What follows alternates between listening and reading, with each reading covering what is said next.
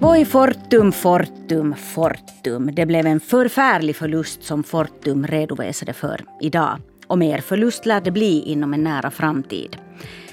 Nästan 12 miljarder euro på minus från årets början. Det är galet mycket pengar.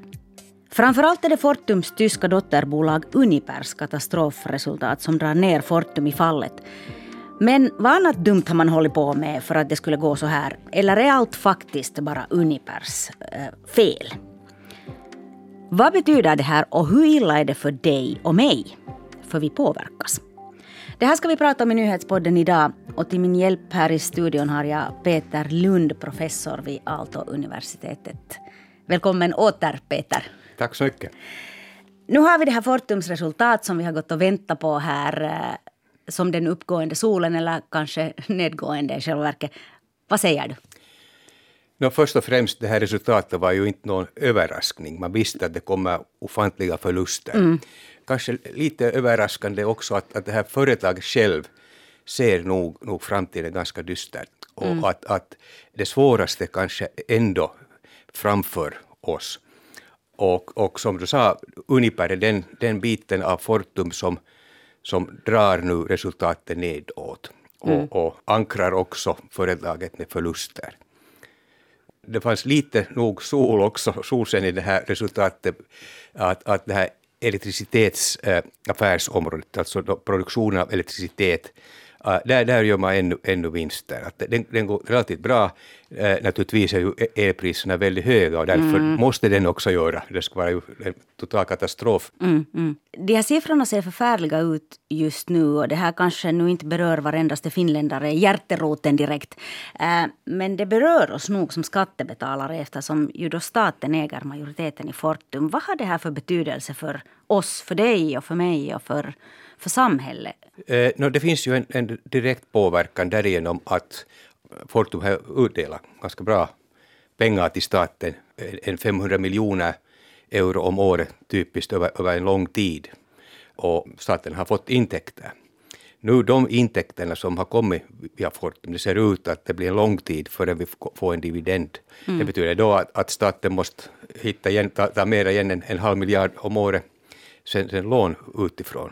Mm. Så att, att den har en betydelse, äh, att det är så stora pengar. Äh, sen en annan fråga är ju det att, att om vi ser hur mycket Fortum har investerat, kan vi säga lite gemensamma pengar därför att, att staten som sagt har över 50 procent andel, hur mycket de har äh, investerat i Tyskland då, och sen också i Ryssland. Mm. Som allt som allt, den här risken som, som kan vi säga skräckscenariet är ju det att det kan gå 20 miljarder euro förgäves. 14 till 15 miljarder. Lite sådär våra pengar. Liksom. Det, no, hälften av det är våra pengar mm. därför att uh, staten äger 50 procent. Mm. Och man kan tänka bara så här lite tankelek att har det Fortum bara delat ut de här pengarna till ägarna så staten skulle ha fått 10 miljarder. Mm. Och det är ju 10 miljarder, det är en så ofantlig summa att om vi tänker på vår, vår uh, sjukvård det ska vara världens bästa. Om vi tänker att, att det här jaktplanet som vi köper nu, det, det är samma summa. Eh, så det skulle ha varit för, haft så väldigt stor nytta för vårt samhälle. Och nu i värsta fallen går allt förgäves. Mm. Men har det varit liksom dåliga affärer? Lite så här eftersnack om man tänker mm. nu så, så var har först och främst pengarna kommit ifrån så att, att Fortum har kunnat investera i, mm. i Uniper och sen också i Ryssland. Så man har ju sålt äh, bra affärsområden. Man sålde bort distributionsnätet i Karuna nu får vi betala också som kunder för det köpet. Mm. Eh, sen sålde man ut, ut fjärrvärmeverksamheten, man sålde eh, solenergiverksamheten. Man har sålt bort mycket sådana här affärsområden som gick ganska bra. Det var 16 miljarder som man sålde ut mm. för att kunna nu finansiera Uniper och den här ryska delen. Så man om man tittar nu lite här, här så här självklokt så... frå, ja, vi har ju lite facit nog här så, redan ja, nu. Ja, så det mm. frågan var det att, att man, man sålde goda affärsområden och investerade på, på ganska dåliga affärsområden där, där riskerna var väldigt stora. Just och det är fråga om riskerna. Eh, fast det kom många, många signaler till Fortum, men troligtvis så då Fortum hade intresse att kanske då, då erövra världen. världen och, Eller i alla fall Ryssland och Ryssland Tyskland. Och, Tyskland ja. och, och, därigenom blev det, blev det sen ofantliga risker som, som nu förverkligas. Just det. För, för alltså, Fortum ville ju verkligen ha Uniper i tiderna man har ägnat mycket tid och pengar åt att öka sitt ägande och sin bestämmande rätt i Uniper. Varför var det här nu då så himla viktigt? Om man nu tänker vad Fortum och finska staten har, har varit här efter var ju Unipers äh, kärnkraftverk i Sverige. Det finns tre gamla reaktorer och, mm. som drivs kanske ännu tio år, så man vill ha dem. Plus sen också gammal vattenkraft från Sverige. Det var de bitarna säkert som Fortum var efter. Just det, så man ville via Tyskland in i Sverige? Jo, man kommer in i Sverige och, mm. och Uniper hade då ganska mycket då, äh, elektricitetsproduktionskapacitet i Sverige, alltså gamla äh, kraftverk. Och det var ju någonting som Fortum var efter. Men att få det här, så då var man tvungen att köpa en firma som har en omsättning som är två gånger större än finska statens budget, eh, mm. som är en av de största gashandlare i världen och, och uh, som är väldigt riskabelt business. Så att för att få en liten bit av firman fick man på köpet någonting som, som ingen hade köpt och, och, och också de stora energijättarna i Tyskland, E.ON och RWE, Mm. De hade ju sålt alla sina gas, gas affärsområden till Uniper. Så Uniper var ett skräpföretag, det visste alla att Uniper är ett skräpföretag. Men den hade sen också det här, det här kraftverket som från Fortum eh, givetvis var då efter. Då. Och nu ser vi till att, att en liten firma, alltså om man ser på Fortums omsättning, där Fortum 2016-17 började köpa Uniper, omsättningen är, är ungefär en tjugondedel av Uniper. av Uniper. Så Uniper är mycket större än Fortum? Det är väldigt stort. Det är en av världens största energiproducenter. Och som sagt omsättningen två gånger finska statens budget. Det, det är stora summor. Och det här är den här det svårigheten med Uniper, att, att allt blir så stort och för litet land så att hantera sådana här summor som för tyskarna givetvis är inte, inte så stora summor, det blir svårt för oss. Och därför får man ju inte säkert så väldigt mycket god vilja från tyska sidan ens, därför att summorna på sätt för mm. dem är inte så stora än, än det som för oss. Ligger här någon läxa som man borde lära sig nu? Kanske till och med illa kvickt? Eh, det, det, finns säkert många läxor här, att, att lär, lärdomar är, är, är flera. Eh, först och främst en lärdom och en signal till finska staten är att, att man får inte vara så här slapp med, med ägandet. Alltså nu, nu, nu har det varit så att, att staten, som ändå äger över 50 procent av Fortum, har gett vår vattenkraft och gamla kraftverk åt Fortum mot aktierna. Mm. Så nu, nu borde man titta uh, noggrant efter det kapitalet som har investerat. Mm. Vi, vi, har hört att ministern som var ansvarig för Fortum fick reda på 15 minuter före uppköpet av Uniper att, att Fortum ska köpa det visar bara det att man har nonchalerat nog den delen som man borde ha haft, haft i, i, också i statens händer. Mm. Och andra signalen också säkert eh, som man bör sända är till, till Fortums ledning att man bör ta i beaktande riskerna noggrannare. Och sen är lärdomen säkert för alla finska företag eh, att minnas nu att det största felet som Fortum gjorde att man satsade på gammal teknik, på fossila bränslen, gamla kraftverk som man visste att motarbetar den stora eh, uppgiften vi har att minska minska utsläpp. Att... Här är liksom ganska mycket nu hör. men, men är Fortum ett skräpbolag då? För jag har bara under de här senaste veckorna nu läst upprepade gånger att Fortum det är en kronjuvel bland finländska bolag, eller har i alla fall varit det. Det har i många år gått bra och Fortum har bidragit med mycket pengar till, till statskassan. Vilket tillstånd är Fortum i just nu? Eh, no, allt som allt, om vi ser på den här totala förlusten som nu, alltså halvårliga förlusten, mm. och det kommer ju till väldigt mycket, den är redan 12 miljarder. Mm. Och, och, idag uh, ungefär gör en 100 miljoner förlust per dag om dagen. Gaspriset är högt och går även uppåt.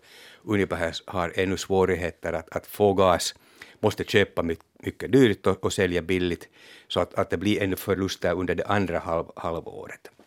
Men sen en annan fråga nu är det att, att det här tyska lånen som man har fått, mm. äh, de är hybridlån. Det vill säga att tyska staten kan alltid byta dem till aktier i Uniper, få alltså då majoriteten av Uniper. Så att i alla fall vad det händer att Fortum kommer att förlora en del av sin kapital, kanske en del av det lånet som man har gett åt Uniper, så att, att andra det här hälften av året, det kan hända att då börjar vi se mera äh, det här förlusten att realisera. Men allt beror ju på Ryssland, på Putin, vad blir mm. gaset? Har man överhuvudtaget gas att leverera till, till Tyskland? Vill man leverera? Den är den, den, den frågan som, som avgör sen. Blir det ordentlig förlust eller kommer man nu bättre över den här krisen? Mm. Hur skulle du säga att man borde se på Fort Fortum i framtiden eller kanske liksom aktieägarna ergo staten. Jag tänker så här att stora energibolag överlag där aktieägarna till stora delar är staten eller som det kanske tidigare var i Finland att staten ägde dem helt och hållet. Det var liksom statliga bolag. Blir det på något sätt viktigare eller mindre viktigt att, att staterna äger sina elbolag själva eller, eller åtminstone håller fast hand över elmarknaden? Eh, no, om vi tänker att det ska vara statliga monopoler nu, så mm. nu, nu är erfarenheterna att de är relativt ineffektiva. Alltså marknaden ger en viss effektivitet, men vad är viktigt att märka att elmarknaden alena är inte kapabel att, att ta hand om det här, nu den här krisen som vi har. Alltså mm. Eh, elmarknadsmekanismerna som vi har har inte då stadgats för, för sådana här väldigt exceptionella omständigheter som vi har. Och de fungerar inte. Krig och katastrofer. Krig, katastrofer. Klimatförändring. Klimatförändringen. Och nu, det här är orsaken. Mm att priset blir så väldigt högt upp. Alltså om vi tänker på fast Fortums kraftverk, inte har produktionspriset äh, då höjts. Men det är frågan att, marknadspriset, hur den utformas äh, i så här kristid, alltså det regler som man satte i början av 90-talet, så man hade ingen aning att omgivningen har förändrats så mycket. Mm. Därför behöver man reglering. Det, det, det, är klart att staten måste, och staterna gör det i Europa, att man måste reglera. Alltså man behöver en blandning av, av den fria marknaden, det är bra, men sen i sådana här äh, fall som vi nu har, då där behöver man statens reglering. Det att man påstår att marknaden tar hand om betyder praktiskt taget väldigt höga elektricitetspris och höga Eh, vinster till stora producenter. Mm. Så därför måste man ha, ha det här statens hand att reglera klokt nog. Elmarknaden ser ju ut att vara i total kaos på något sätt just nu. Vi översköljs av panikrapporter om chockhöjningar av elpriser. Och vad är det vi egentligen bevittnar här? Vad är det vi ser? Eh, då när priset, priset stiger så här väldigt högt upp så, så nu är det frågan om då att, marknaden inte fungerar. Och normalt har vi inte så här priser haft aldrig. Och, och då, då, är det bara nu tecken på det att, att marknadsmekanismerna som, som vi har för elektriciteten att den fungerar inte rätt. Vi kan säga att det fungerar säkert rätt, rätt för producenten. Om det är en stor producent, det, det är ofantligt stora vinster som man har. Men om vi har mindre kommunala till exempel e-verk som måste köpa elektricitet från marknaden, från börsen och sen säljer, säljer framåt, de har väldigt tufft och de kan inte mer erbjuda någon, någon längre avtal med till, till kunderna. Mm. Och sen priset, kundernas pris går uppåt, uppåt. Och, och därför den här statliga regleringen, man måste tillfälligt reglera, sätta till exempel ett, ett, ett tak på elpriset, som vissa länder gör eller bör, börja också sen stödja de, vissa då, eh, sociala grupper, att, att man har råd att, att betala elräkningen och, och för uppvärmningen. Mm. Tack så mycket Peter Lund för den här förklaringen. Tack. Du har lyssnat på nyhetspodden från Svenska Yle och jag heter Jonna Nupponen. Producent är Ami Lassila och tekniker idag Anne Heikkilä. Fortsätt lyssna på oss.